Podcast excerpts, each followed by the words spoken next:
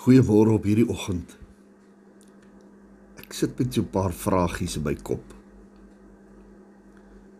As jy in die middag by die huis kom van die werk af, wil jy so graag op jou gemakstoel gaan sit en nie ander skoene dalk aantrek en ek daar's nou dames wat van sekere kledingstukke ontslaa raak.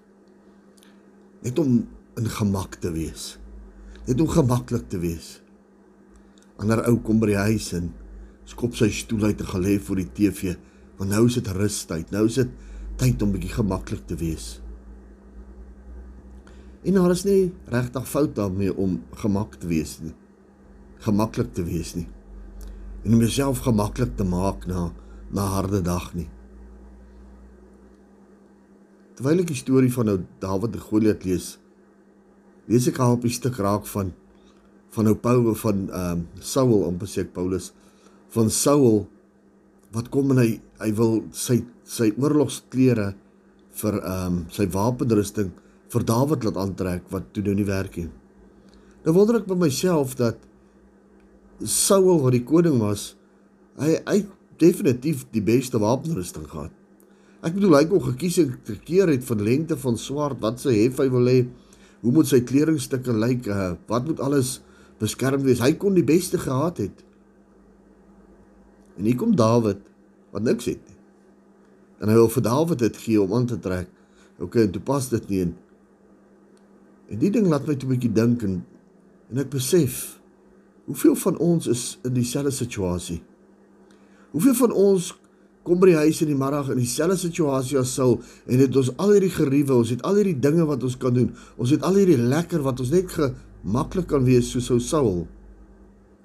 Terwyl Dawid niks het nie, maar hy het Goliat laat omval het en gedood het. My broer en suster, die verskil wat ek agterkom is dat Dawid het opgestaan en het iets gedoen.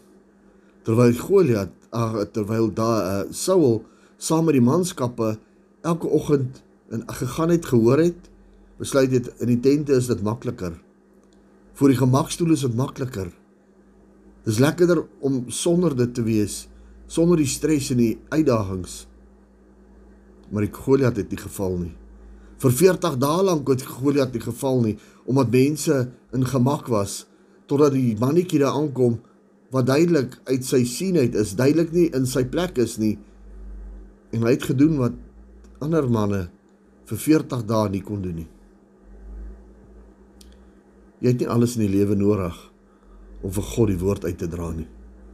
Jy het jou bereidwilligheid nodig. En vanoggend wil ek vir mense vra.